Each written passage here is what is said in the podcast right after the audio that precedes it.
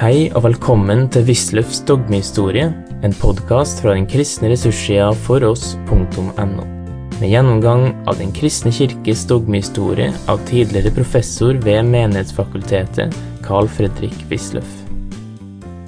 hadde i forrige time begynt på en sammenligning mellom Luthers og Calvins måte å tale om loven og evangeliet. Som jeg sa, man skal ikke gjøre for mye ut av denne forskjellen. Men eh, det er allikevel interessant å se hvorledes de begge liksom taler forskjellig. Og interessant å se hvorledes Calvin hele tiden er den som sterkest holder seg til Augustin, mens eh, Luther på en mer selvstendig måte fremsetter sitt syn. Og vi går videre. Nederst på side 126 har vi noe om lovens embete, gjerning og lovens virkning. Som før nevnt taler Luther om en duplex usus legis, en dobbelt bruk av loven. Den skal for det første tvinge åpenbare syndere og holde dem i utvartes tukt. Eh, det er den sivile bruk, offentlige bruk. Og så skal den for det andre, og det er dens teologiske bruk, eh, åpenbare Guds vrede over synden og ta fra menneskene all tillit til egen rettferdighet, sånn at de blir fortapte syndere for Gud. Eh, mer enn to eh, bruk eh, taler ikke Luther om, dette har jeg nevnt før. Eh, Lutherdommen kom til å tale om en tertius usus, nemlig at loven også skulle være veileder for de troende. I virkeligheten regner Luther også med det, hvilket man kan se i hans skrift om, om den guten Werken f.eks. Calvin setter opp dette litt annerledes. Han taler om en trefoldig bruk av loven. For det første er loven et speil hvor vi ser vår egen urettferdighet og fortapte stilling. Eh, men det gjør loven ikke for at vi skal fortvile, men for at vi skal ta vår tilflukt til Kristus. Og så blir vi da ved lovens bruk ført til, til Kristus. Det, det, er liksom eh, det, det, det, blir på en annen måte. Luther taler altså slik at loven den, den går liksom bare én vei. Med Melanktons ord kunne man gjerne bruke der. Lex semper accusat. Loven anklager alltid. Og hvis ikke det er annet enn loven, da er det døden og djevelen, sier Luther. Eh, Calvin han, han får liksom mer til sånn at loven kommer og skal hente oss med seg på en måte. Den, den, den, den ikke, nøyer seg ikke med å slå oss i hjel, men den er en del av det hvorved Gud gjør oss levende igjen. Det taler Luther ikke. Da kommer evangeliet etter den lutherske konsepsjon som et helt annet ord som bringer oss nåden. Altså en sterkere dualisme hos Luther. Tingene holdes mer ifra hverandre. Hos Calvin ses det liksom mer på én linje. En andre bruk hos Calvin svarer til Luthers første bruk, altså den sivile. Og så kommer tertius usus, som viser hvordan de troende skal leve. Og det er da lovens viktigste bruk, sier Calvin. Luther sier Moselov er avskaffet. Både seremonialloven og dekalogen er avskaffet, og oss kristne angår Moselov bare så langt som den stemmer overens med den naturlige lov. Eh, det høres jo merkelig ut, men eh, det er ikke i virkeligheten så svært mye annet enn det som Thomas også har sagt, for så vidt. Det har jeg nevnt for dem før. Har jeg ikke det? Jo. Var jeg ikke inn på det? Altså, eh, Inge Lønning i boken 'Levende Luther', side 115, han synes å gå ut fra at dette er noe nytt hos Luther, dette her, at loven eh, Moselov angår oss bare for så vidt som det stemmer overens med den naturlige lov. Eh, loven er, Moseloven er eh, det er jodens Aksenspiegel. Eh, men det er i virkeligheten ikke nytt, altså, for Thomas sier det at uh, den gamle loven, altså Moselov, den klargjorde precepta legis naturae, lov, naturens lover, og føyet dertil til noen spesielle bud som var for jødene, sier han. Og det som var spesielt for jødene, det angår ikke oss. Det sier også Thomas ganske tydelig. Så det er ikke noe nytt, egentlig, det der. Eh, selv om Luther nok har preget det på sitt vis. Eh, det som, det som, vi godtar hos Moses, det er for det første det som stemmer med den naturlige lov. Og så for det andre så har han jo profetier om Kristus. Og en videre har han skjønne eksempler uh, om fedrene, altså f.eks. om uh, Abraham og om Moses. Eh, eksempler på troen, kjærligheten og korset, som alltid følger med hos Luther når han taler om livet med Gud, korset som vi må bære. Calvin sier avskaffet er ikke moralloven, men seremonialloven. Man skjelnet mellom eh, innenfor Moseloven mellom moralloven og seremonialloven og den juridiske lov. Eh, og så sa man da gjerne at eh, det som er angikk jødene, det var det, og det gjelder ikke lenger. Men moralloven, den gjelder. Sånn sier Melanchthon, og sånn sier også Calvin. Eh, Luther sier somme steder at uh, moralloven er faktisk også avskaffet, unntagen for så vidt den stemmer med den naturlige lov. Det er vanskelig å finne full konsekvens hos fader Luther på det punkt, for når man leser von den Guten Werken, og når man leser Den store katekismen, lett tilgjengelig, og jeg håper du vil studere Den store katekismen, det er vanskelig å fri seg fra det inntrykk at han også tenker på samme måte f.eks. om det tredje bud. I grov utvortes forstand, sier han, der gjelder sabbatsbudet bare jødene. Men det er en mening, en måte hvorpå dette også gjelder oss som kristne. Eh, dels det naturen lærer oss, nemlig at vi trenger en hviledag, men dels også at vi skal høre Guds ord. Eh, det som da er eh, summa summarum her, er at loven får en mye mer fremtredende funksjon hos Calvin enn eh, den har hos Luther. Kristendomsoppfatningen får et annet preg. Den er mer, just mer lovisk. Han har liksom en statutarisk måte og sier liksom mer fra punkt til punkt hva Gud vil at vi, hvordan Gud vil at vi skal leve. Eh, Luthers dualisme mellom lov og evangelium, som er så mye sterkere enn hos Calvin, eh, eh, gjør at evangeliet på en måte dominerer. Men hos Calvin, hvor man har mer tilbøyelighet til å se tingene sammen, og hvor forskjellen mellom lov og evangelium eh, hos Paulus f.eks. Eh, vesentlig er ett synspunkt som står ved siden av andre synspunkter, der dominerer loven tilsynelatende mer, og det blir lett en mer lovisk kristendomsoppfatning. Eh, la meg her få skyte inn et ord eh, om som jeg ikke har eh, notert, og det var vel en feil av meg, så jeg vil be dem notere i, til høyre, arket til høyre der.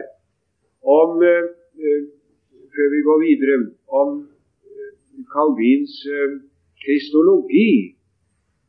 Eh, det er Calvin som har tatt opp den gamle lære om munus triplex Christi.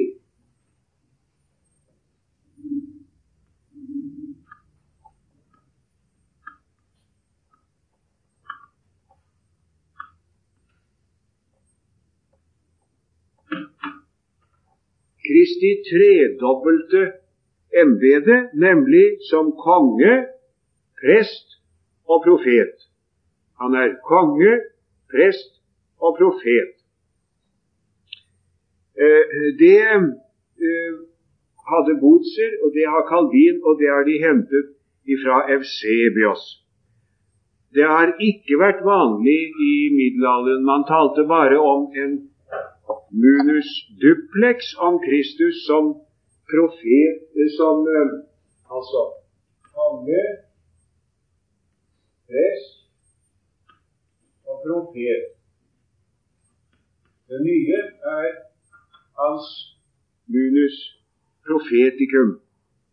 Det har Calvin trukket frem, og vel hatt det, hentet det fra Efsebios, Butzer likeledes.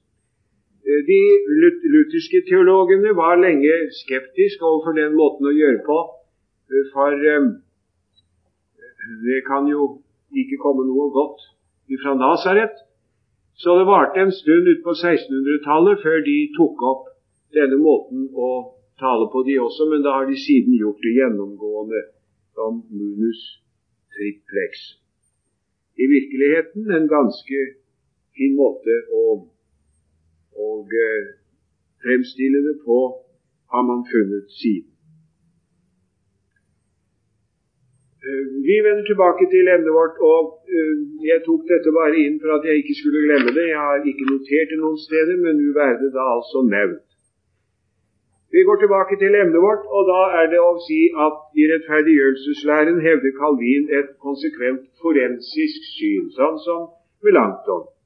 Rettferdiggjørelsen er en domsavsigelse av Gud in foro køli. Han avsier den dom at denne synder, i seg selv en fortapt synder, er rettferdig. Og det er bare fordi troen griper Kristi rettferdighet. Kledd i denne rettferdighet står han så for Gud, ikke som en synder, men som en rettferdig. Og det gjelder da, sier Calvin, akkurat som Luther og Melanchthon, å holde helliggjørelse og rettferdiggjørelse ut ifra hverandre. Én ting er at vi blir rettferdiggjort, eh, en annen ting er at vi blir helliggjort. Og helliggjørelsen er ikke grunnlag for vår nådestand hos Gud, men det er en vekst i den nåde som vi fikk da vi ble rettferdiggjort. Her kritiserer han endog Augustin ganske sterkt, fordi at Augustin ikke taler med tilstrekkelig klarhet på dette punkt. Augustin han eh, er nok sterk til å tale om nåden, sier Calvin. Han viser at vi er fortapt i oss selv, og at bare Guds nåde kan eh, frelse oss. Der taler han veldig. Men Augustin gjør den feil å trekke inn helliggjørelsen når han taler om rettferdiggjørelsen. Og Det er jo for så vidt riktig nok. Augustins rettferdiggjørelseslære går faktisk ut på justum facere. Fra å være urettferdig til å bli rettferdig, faktisk rettferdig av den nåden som omdanner oss, derved at den onde lyst drives ut av den eh, helliggjørende nåde, sånn at istedenfor den onde lyst, så kommer den gode lyst, caritas. Det vil ikke Calvin vite av, og hevder altså der en, eh, en klart paulinsk rettferdiggjørelseslære i reformatorisk form. Det er et veldig interessant punkt i hans fremstilling i Institutio tredje bok at han behandler gjenfødelsen før rettferdiggjørelsen. Det kunne jo da høres rart ut på bakgrunn av hva jeg nettopp sa. Eh, han skriver om eh, om gjenfødelse ved tro, og så om rettferdiggjørelse. Og eh, Sammenhengen er da den at ved troen tar vi imot Kristus, og med ham forlikelse med Gud og et nytt liv. Og Grunnen til denne rekkefølge er ikke at helliggjørelsen er rettferdiggjørelsens grunnlag, men han vil likesom på forhånd frata de romerske teologer den anklagemulighet som de gjorde flittig bruk av og som det jo stadig har vært brukt imot den reformatoriske rettferdiggjørelseslære, at man nemlig sier på den måten eh, så blir det bare et uh, slapt kristenliv. Når alt på den måten er bare nåde, at synderen blir rettferdig i Kristus som han er, og går til himmel som en synder, ja vel, da legger man seg til å sove, og så blir det ikke noe hellig liv. Det har vært innvendingen. Og Det ser ut som om Calvin har villet imøtegå den innvending ved på forhånd og tale om det nye liv. Og så går han igjen over til å tale om rettferdiggjørelsen. Hans synspunkt er det som vi finner hos Paulus i 1. Korintier 1,30. Kristus er blitt oss rettferdighet fra Gud og helliggjørelse og eh, visdom fra Gud og rettferdighet og helliggjørelse og forløsning. Og Han sier da at Kristus kan ikke deles i to stykker. Og så kan vi heller ikke motta hellighet og rettferdighet hver for seg. Men tar vi imot Kristus, så tar vi imot ham både til rettferdighet og til eh, helliggjørelse. Simul et conjunctum in ipso, nemlig rettferdighet og hellighet, de kan ikke skilles ifra hverandre. Til sammenligning og klargjøring kan vi der trekke inn en eh, åndsimpuls som har gjort seg gjeldende eh, hos oss i nyere tid, og som vi nå faktisk har igjen i disse dager på samme hold, som en ganske ny og særdeles aktuell, aktuelt fenomen. Nemlig det som man til dels har kalt for second blessing. En annen velsignelse, en nye velsignelse. Og som nå heter gjerne åndsdåp, som tolkes på en bestemt måte. Eh, det er, tankegangen er da eh, grovt skissert den at det er noen kristne som bare, måtte vi sette i anførselstegn, er omvendt og gjenfødt. Men så er det andre som også er åndsdøpt og har oppnådd ny, eh, et nytt, nytt nivå av hellighet ved en ny åndelig opplevelse. Eh, et slikt syn er f.eks. Calvins betraktning strengt imot. Og det er interessant å se at moderne kalvinister, som f.eks. Martin Lloyd-Jones i England, han imøtegår den protesterer imot den moderne second blessing-forkyndelse nettopp ut fra Calvin, og sier at eh, vi kan ikke ta imot Kristus delt. Eh, enten tar vi imot ham, eller også tar vi ikke imot ham. Og har man tatt imot ham, så har man tatt imot ham både til rettferdighet og helliggjørelse. Rettferdigheten er total, for er Kristi rettferdighet, og helligheten den er undergitt en vekst i åndens kraft. Men to, to nivåer, liksom, det er han absolutt imot. Denne second blessing-forkynnelse kan derfor Eh, nok gjerne kalles reformert. Det kan man jo godt si når man bare passer på å huske at eh, det gjelder ikke den eldre reformerte type.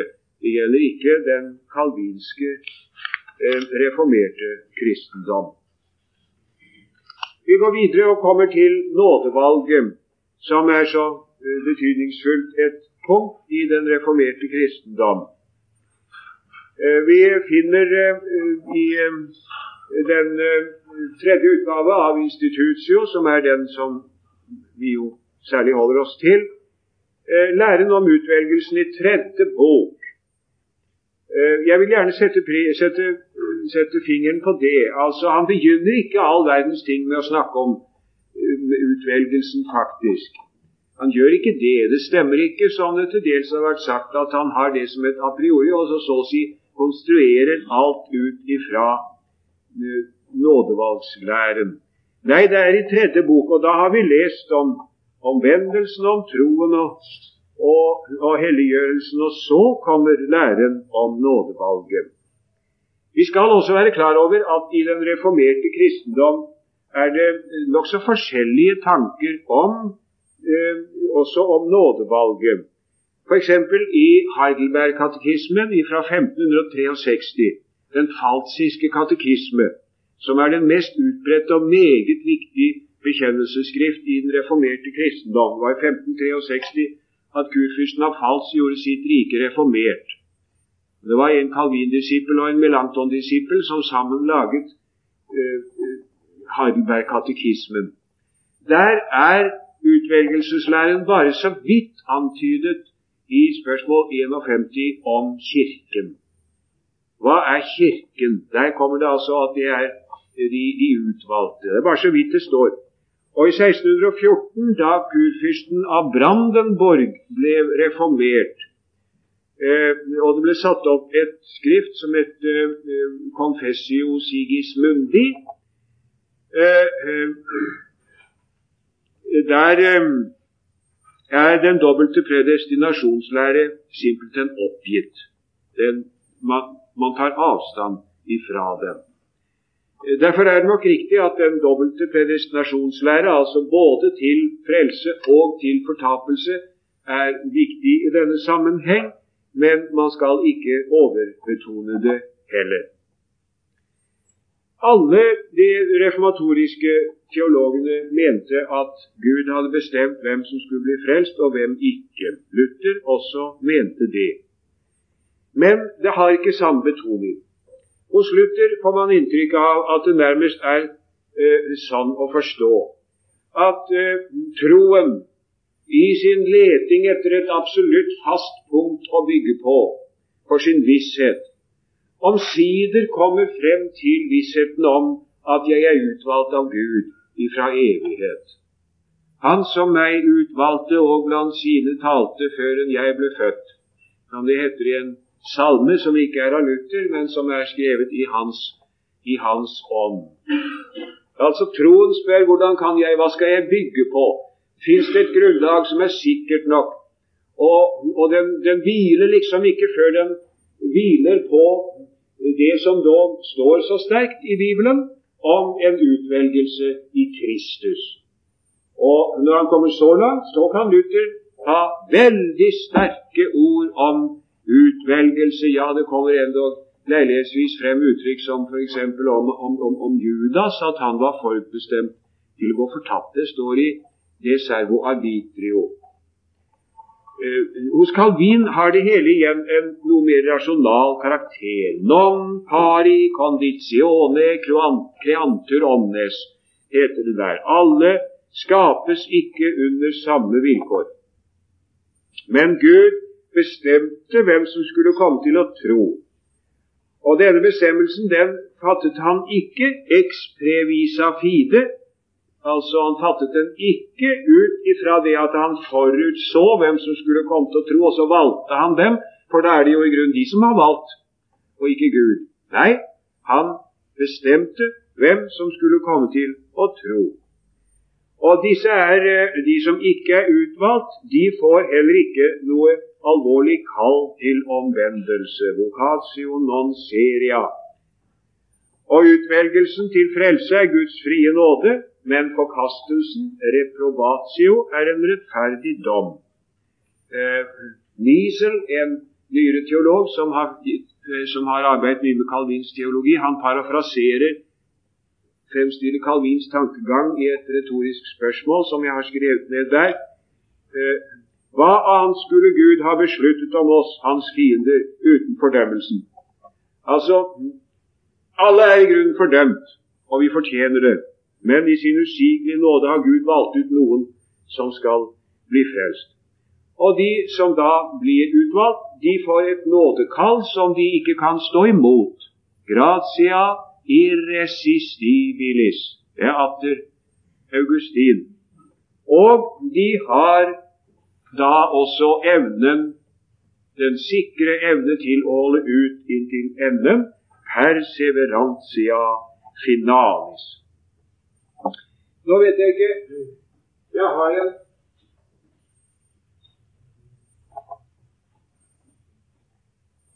Jeg har en sånn en liten nemoteknisk finesse som de kan få, så kan de jo merke dem hvis de vil, og hvis ikke, så kan de la være. Det er noen som syns at sånt nå er hjelp. Jeg syns egentlig det. Andre sier det er ikke noen hjelp, for så skal vi foruten å huske selve saken, også huske den nemotekniske finesse. Og det er naturligvis et synspunkt. Men det er en, eh, hos en amerikaner jeg så det der en gang, og noterte meg det. Han eh, setter opp et, et, et ord, eh, tulip. Det er jo altså da en tulipan, så det skulle ikke være vanskelig å huske i og for seg. Og så skriver jeg det Så, Tulip. Og så kommer de fem hovedpunktene i det kalvinske systemet. Det er T, det er total depravity. eh, det fullstendige, det totale forderv. Alle mennesker er fordervet efter, i kraft av Adams fall. Det er det første. Eh, og så er det U. Unconditional election.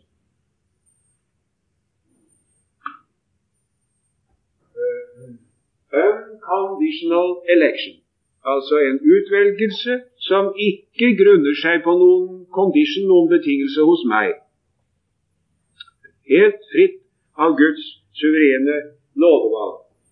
L er limited atonement. Det er en begrenset forsoning. Kristus er bare død for de utvalgte. Han er bare død for de utvalgte. Og I er irresistible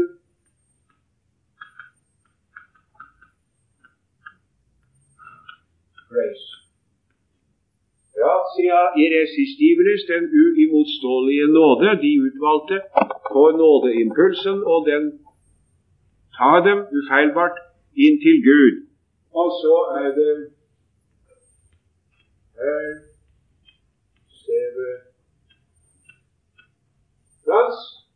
Perseverance. Perseverantia finalis. Eh, den, altså evnen til å holde ut inntil enden. Den som en gang er frelst, han kan ikke gå fortapt. Ok, de kan notere det, så får vi se hva bruk de vil gjøre av det, om de syns det er noen hjelp i å huske det for å ha disse punktene for hånden.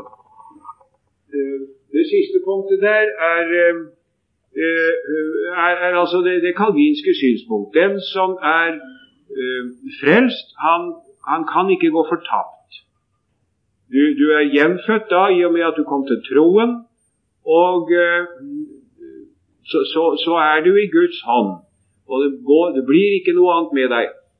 Det der har det vært mye strid om i Amerika. Den som har vært borti eh, norske menigheter, f.eks. i Amerika, lutherske, vil vite at eh, det der i somme miljøer i hvert fall er litt av et debattemne, for det er påvirkning fra reformert hold som går i retning av eh, eternal security, heter det nå gjerne borte i Amerika. Eternal security. Eh, de lutherske er gjerne veldig redd for dette, synes at det skulle være en farlig sovepute, og spør hvordan tør dere snakke sånn.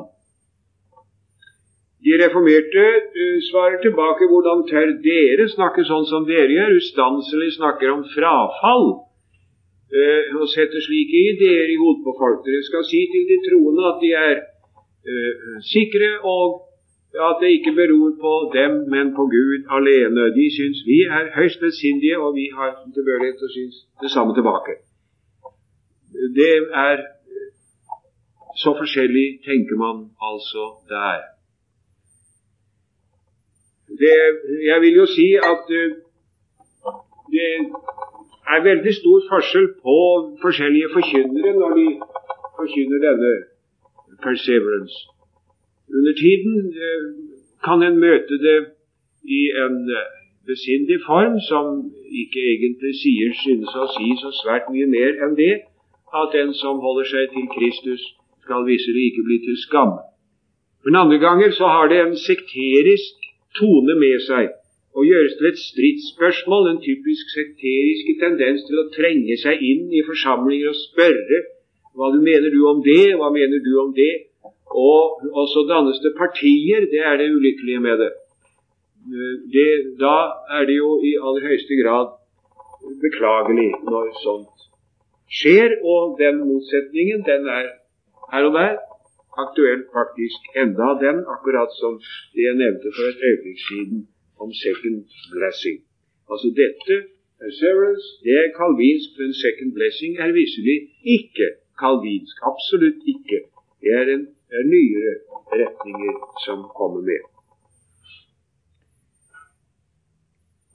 Ehm, eh, her kunne det passe også kanskje å nevne litt om dette skjemaet som eh, eh, har med supralapsarisk og infralapsarisk utvelgelseslære å gjøre. Det syns mange er veldig vanskelig å få tak i. Det er ikke så vanskelig i grunn. For vi bare går ut ifra eh, ordenes direkte betydning, så betyr jo supra ovenfor, og infra betyr nedenfor. Og så kan vi eh, forestille oss det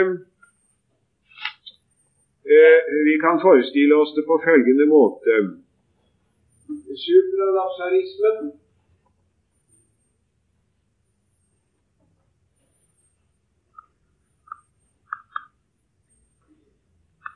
antyder bare sånn. Den ser ut som følger. Utvelgelsen som altså er dobbelt. Noen til frelse, noen til fortapelse. Utvelgelsen, skapelsen, syndefallet og så frelseshistorien.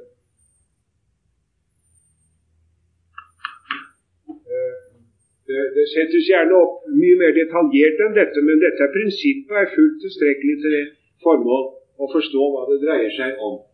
Altså, utvelgelsen er supra. Den er over eh, lapsus, Visst? Så enkelt er det. Men infra, det er sånn. Infralapsarismen, det er eh, altså skapelsen fallet og utvelgelsen. Det er innfra, det er nedenfor. Så vanskeligere er det der i grunnen ikke. Og uh, man kan også si det slik at um, objektet for utvelgelsen er ifølge supralapsarismen homo creabilis et labilis. Homo creabilis et labilis. Mens her er det homo creatus et lapsus.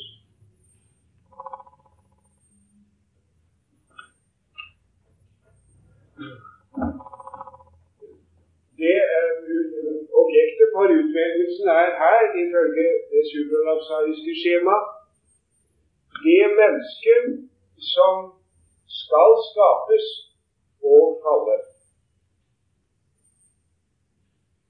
Det er mennesker som skal skapes og som skal falle.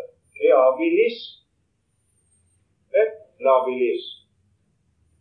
Men infralapsarisme, hva er det det mennesket som er skapt og falt, som, som utvelges.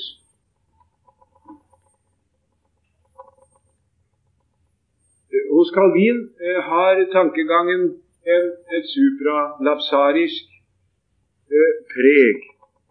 I den, I den, reformerte kristenhet dominerer derimot det infralapsariske skjema. Alle de reformerte bekjennelsesskrifter har det infra, infralapsariske skjema. Men det skal jeg komme tilbake til siden. Vissheten om egen utvelgelse den vinnes ifølge den reformerte tradisjon ved den såkalte syllogismus practicus. Det vil si man ser åndens virkninger i sitt liv, og så trekker man slutninger av det. Det er det vanlige. Det er dog ikke mulig å finne det hos Calvin akkurat. Når det er om å gjøre å forvisse mennesker om frelsen, så viser han til Kristus og til Guds ord. Når det gjelder hans kirkesyn, så er det personalt i sitt utgangspunkt, akkurat som Luther. Han siterer Johannes 10. Eh, mine får høre min røst, og jeg kjenner dem, og de følger meg. Det er Kirken. Eh, akkurat som Luther. Men eh, Og, og, men Kirken har allikevel et mer anstaltmessig preg etter, etter hans tankegang. Emil Brunner har sagt, og jeg mener med full rette, at Calvin er kirkeligere enn Luther. Vi må da sette, tenke oss kirkeligere satt i anførselstegn. Altså, vi kunne si det annerledes. Hans kirkesyn er mer anstaltmessig preget enn Luthers. Vi må, ikke, vi må holde altså alle sånne mer svermeriske tanker eller uh, moderne, reformerte tanker borte når vi tenker på Calvin, for han ville eh, gjøre Genéve til en kristen by som, hvor alle skulle være kristne, og hvor alle skulle høre til Kirken, og hvor Kirken var eh, den synlige anstalt. Det er i grunnen mer så enn hos Luther. Det er det ikke farlig å si. Eh, det, derimot så skjelner han da mellom den usynlige kirke av de troende og utvalgte, og den synlige. Og den synlige den er konstituert av ord og sakrament.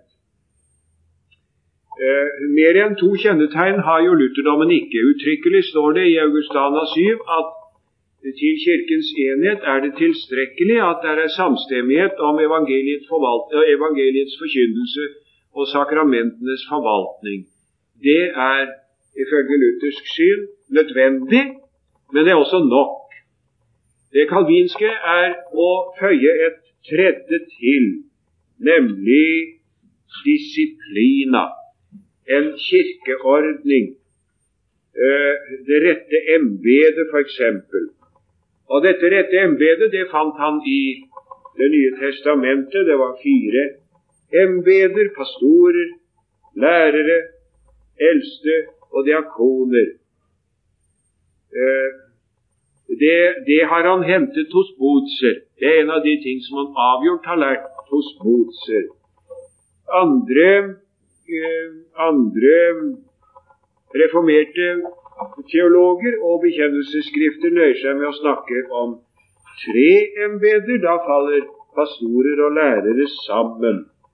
Pastorer, eldste og diakoner. Eh, de eldste har da med kirketukten å gjøre.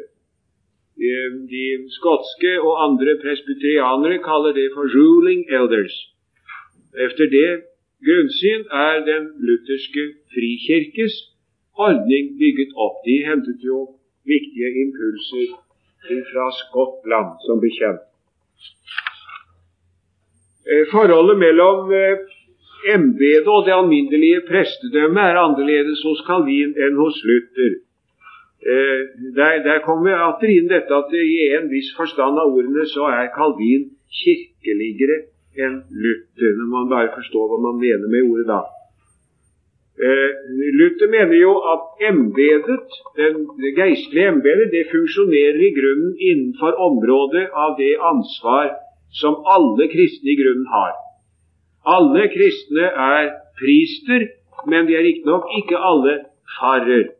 Men det som det farer gjør, er i grunnen det som alle de prister, dvs. Si alle troende kristne, eh, har fullmakt til i kraft av sin dåp og sin tro. Det som en mann trenger, er bare et kall. Og så må han være skikket. Persona idonea er også noe da. Det snakket jeg om. Det er ikke noen sånn sammenheng hos Calvin mellom det alminnelige prestedømmet og Eh, og det, det kirkelige embetet. Det alminnelige prestedømmet det består i å be og å ofre. Det er disse tre ting eh, som stadig går igjen også hos Luther.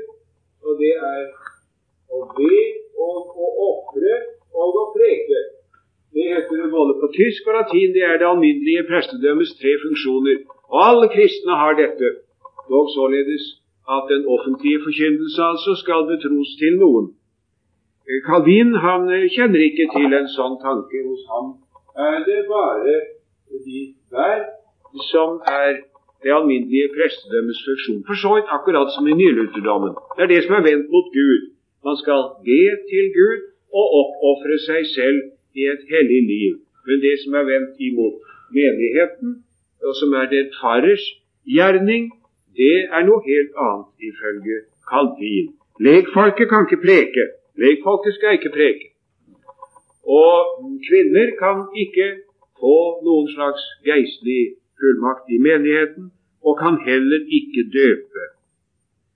Ehm, eh, noe som heter nøddåp, er jo ganske overflødig efter Calvin, det kommer jeg til. Og eh, noen tanke om det skulle, barnet skulle dø eller noe sådant, har jo da det, det, det har ikke noen liksom noen tone av noe viktig over seg at vi gjerne vil ha barnet døpt før det dør. Han tenker ikke sånn. Er ikke, det, er ikke pastoren for hånden, vel, så er det ikke noe mer å gjøre med det. Og når det gjelder å være rite vocatus, å være rettelig kallet, så er Calvin strengere enn noen lutheraner. Det kan man lett forvisse seg om ved å lese fjerde boks tredje kapittel og tiende punkt. Og Nå kommer vi da til sakramentlæren, som jo er det egentlige eh, stridspunkt i grunnen da. Det er jo det som man tradisjonelt griper til for å forklare de hovedtypene, det katolske, det lutherske, det reformerte. Og det kommer vi til nå. Jeg kan bare så vidt begynne på det i dag.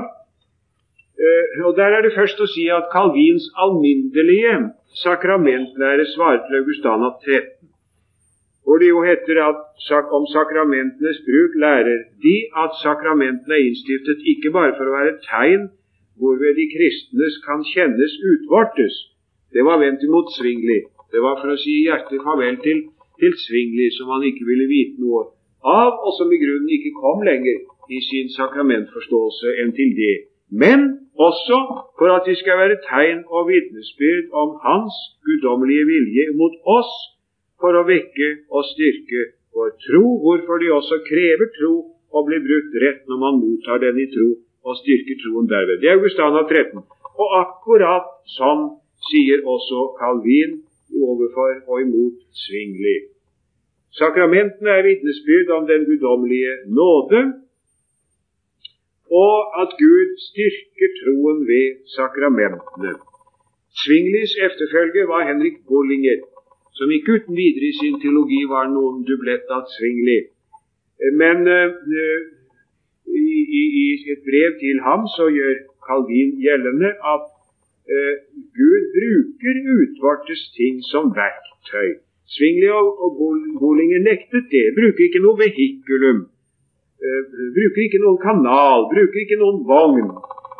Ånden går umiddelbart. Nei, mente Calvin Eh, han, han bruker faktisk menneskeord og også sakramentene.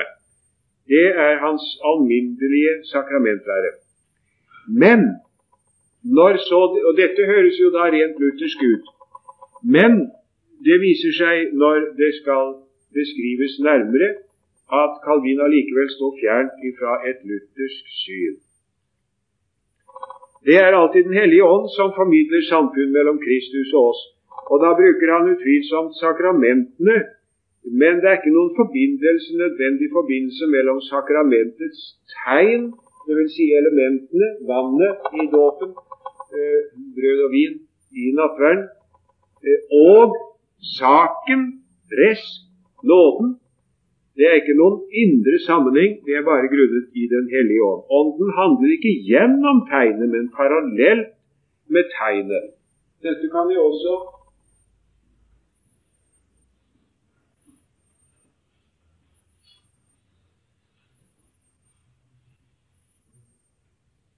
forsøke å, å skissere på en måte. Vi tenker oss da Luthers tegn, Luthers syn, eh, på den måten at vi tenker oss Gud vil gi menneskene eh, nåden, og det gir han gjennom sakramentet, og det tas imot av troen. Sånn. Her er det én linje. Eh, nåden går igjennom sakramentet. Og også ordet, det forkynte ord, må vi da også tenke inn i bildet. Men det som her interesserer oss, er at Gud, som vil gi menneskene nåden, han lar det gå gjennom sakramentet. Han handler gjennom den utvortes ting. Det er vannet og brødet og vinen, eh, som er nettopp vehikulum. Eh, Calvin der tar det seg heller sånn ut at Gud han vil jo handle med menneskene som skal ta imot det. Det er det ideelle. Og det gjør han da på den måten at han gir dem sakramentene, eh, og han gir dem ånden. Og det er da så å si i to parallelle handlinger. Eh, Gud vil gi til troen, du vil gi nåden til, til, til troen. Sånn. Du har nå hørt Wisløffs dogmehistorie. Finn flere ressurser og vær gjerne med å støtte oss på foross.no. Følg også gjerne noen av våre andre podkaster, f.eks. Table Talks.